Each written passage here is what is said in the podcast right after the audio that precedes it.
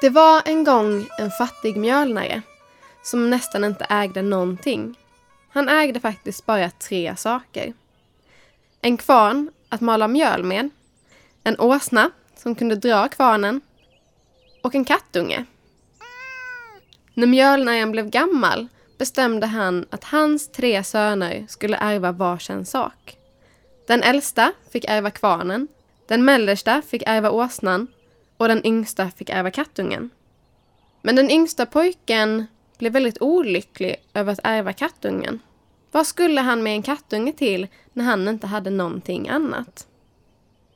Så ni kanske kan tänka hur förvånad pojken blev när katten började prata och sa att var inte ledsen. Jag ska lösa alla dina problem om du bara ger mig ett par stövlar och en potatissäck.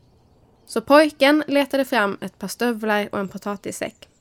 Katten hoppade genast i stövlarna, tog potatissäcken och slängde över axeln och så gick han iväg. Raka vägen till ett kolfält.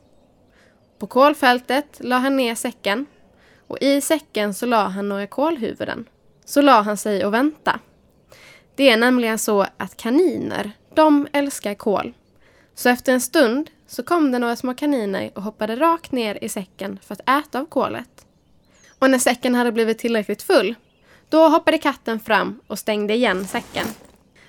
Men istället för att gå hem med kaninerna och kolet till pojken så gick katten raka vägen till kungen. Hon gick fram till kungen, lämnade över kaninerna och kolet och så sa han att det här är en gåva från min herre, markisen av Karabas. Och kungen, som älskar kanin och kol, blev väldigt glad och tog emot gåvan. Så gick katten ut igen, men den här gången gick han ut i skogen och plockade tryffelsvamp. Och när han hade hittat några stycken så gick han till kungen och gav svamparna och så sa han att det här är en gåva från min herre, markisen av Karabas. Så här gjorde katten många gånger och till sist visste kungen precis vem katten i stövlar var. En dag när katten var ute och letade present till kungen fick han höra ett rykte om att kungen skulle ut på utflykt och han skulle åka precis förbi huset där den lilla pojken bodde. Så katten, han rusade hem och så sa han till pojken att du kommer inte förstå mycket av det som händer nu. Men bara följ det jag gör så kommer allt lösa sig. Du måste gå ner till sjön. Där ska du klä av dig alla kläder och ta ett bad. Så pojken klädde av sig alla kläder, la dem på strandkanten och så gick han ner för att bada. Men när pojken gått i vattnet så smög katten fram, tog pojkens kläder och gömde dem. Sen gick katten upp till vägen och satte sig för att vänta på kungen. Och när han fick syn på vagnen så gjorde han allt för att försöka stanna den. Och så sa han att kungen, du måste hjälpa min herre, markisen av Karabas. Han är fast i sjön. Någon har tagit hans kläder och nu kan han inte ta sig upp. Så kungen, han plockade fram ett extra par kläder. Så gick de ner till sjön och hjälpte pojken upp. Och pojken, han fick på sig kungens fina kläder. Så frågade kungen var pojken bodde någonstans. Och då svarade katten att min herre, markisen av Karibas, bor i slottet i dalen bredvid. Och då sa kungen att då kör jag hem honom till slottet i dalen bredvid. Så gick kungen och pojken och kungens vänner in i vagnen och började åka mot slottet i dalen bredvid. Men katten, han sprang före och varje människa han såg stannade han och sa om kungen stannar och frågar dig vem som äger marken som du brukar så måste du säga att det är markisen av Karabas. Och om han frågar vem som bor i slottet i dalen bredvid så måste du säga att det gör markisen av Karabas. Annars kommer jag klösa ögonen ur dig.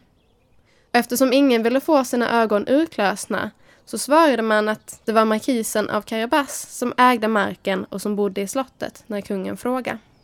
Det var ju bara det att det var inte markisen av Karabas som ägde marken och det var inte markisen av Karabas som bodde i slottet utan det var en ond magisk jätte som ägde marken och som bodde i slottet. Och när katten kom fram till slottet fick jätten genast syn på honom.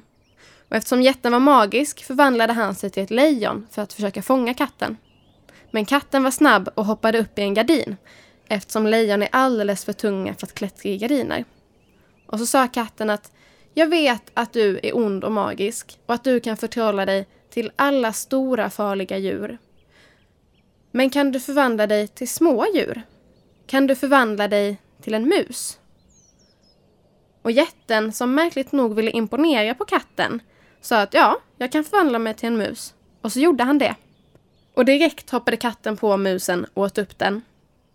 Och när katten hade ätit upp musen gick han ut för att ta emot kungen och pojken. Och så gick han till pojken och sa Nu är det här slottet och all mark du ser ditt. Och efter den dagen kallade pojken katten för Mästerkatten eftersom Mästerkatten hade sett till att pojken hade fått någonstans att bo, en mark att bruka och att han hade blivit vän med kungen. Och så gick det till när en bondkatt blev en mästerkatt.